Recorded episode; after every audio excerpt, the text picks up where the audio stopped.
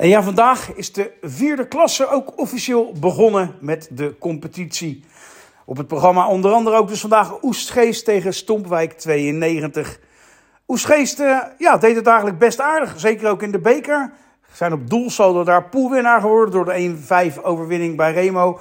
En zijn ook nog eens vrijgelood voor de volgende ronde.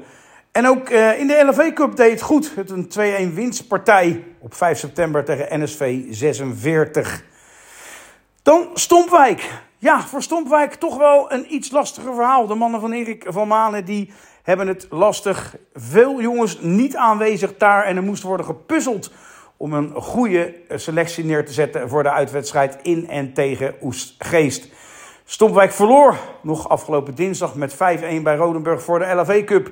Maar volgens Erik was daar ja, niet een goede maatmeter op aan toe te passen. Want hij kan zijn selectie of het eerste elftal in ieder geval niet dusdanig opstellen waarmee hij tevreden kan zijn. Dan de wedstrijd. Ja, een wedstrijd waarin Oesgeest in grote lijnen de hoofdmoot had. Het duurde echter alleen lang voordat het eerste doelpunt zou vallen. Het doelpunt viel uiteindelijk wel in de 49e minuut door wie anders dan Roy Elkerbout met een eh, prachtig afstandsschot, randje 16, vol in de bovenhoek.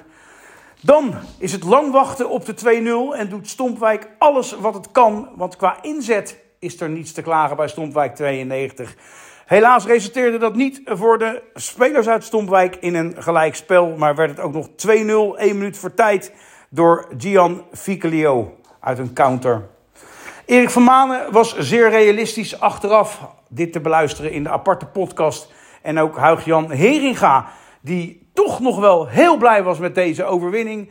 Die is ook nog even terug te beluisteren op de podcast op de site van Leiden Amateurvoetbal. Volgende week mooie potjes. Rodenburg, Oestgeest. Oestgeest dus voor het eerst weer in jaren weer tegen Rodenburg. En Stompwijk 92 thuis tegen de buurman SJZ.